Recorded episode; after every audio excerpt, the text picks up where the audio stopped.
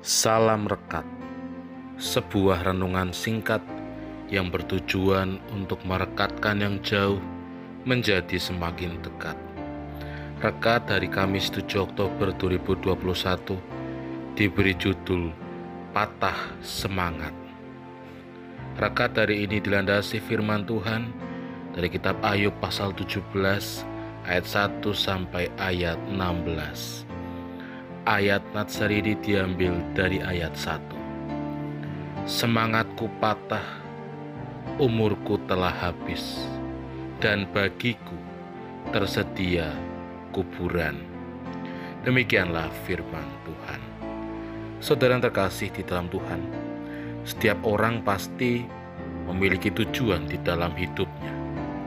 Namun sering kali untuk mencapai tujuan hidup itu bukanlah hal yang gampang karena sering kali kita pasti diperhadapkan dengan berbagai macam rintangan, berbagai macam hambatan yang bermunculan yang menghambat langkah kita untuk maju. Begitu sulitnya masalah yang dihadapi, sering kali dapat mematahkan semangat yang ada. Hal itu juga dapat kita lihat di dalam bacaan saat ini. Di dalam kitab Ayub di mana dalam firman Tuhan saat ini memperlihatkan betapa putus asanya, betapa semangat Ayub yang mulai patah ketika menghadapi persoalan dan tantangan yang dihadapinya. Tetapi yang menariknya, meskipun di tengah hambatan, di tengah persoalan rintangan yang dialami oleh Ayub, di ayat ketiga mengatakan, Biarlah engkau menjadi jaminanku bagimu sendiri.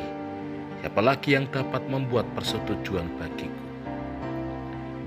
Di sini Ayub kembali menjadikan Tuhan sebagai jaminan di dalam kehidupannya. Tuhanlah yang menjadi semangat bagi Ayub untuk melanjutkan kehidupannya, untuk terus berharap dan juga terus berjuang.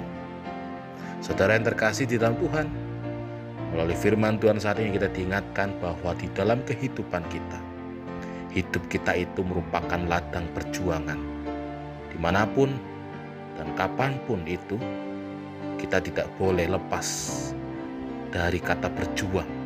Kita tidak boleh kalah dan kita tidak boleh putus semangat Ketika kita capek, istirahatlah.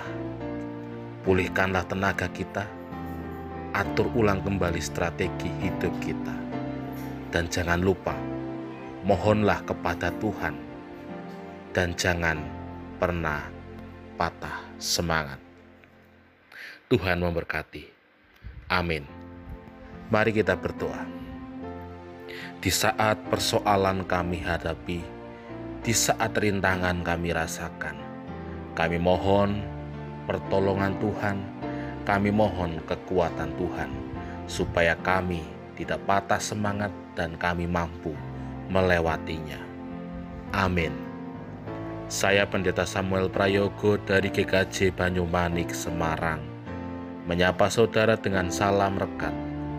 Sebuah renungan singkat yang bertujuan untuk merekatkan yang jauh menjadi semakin dekat.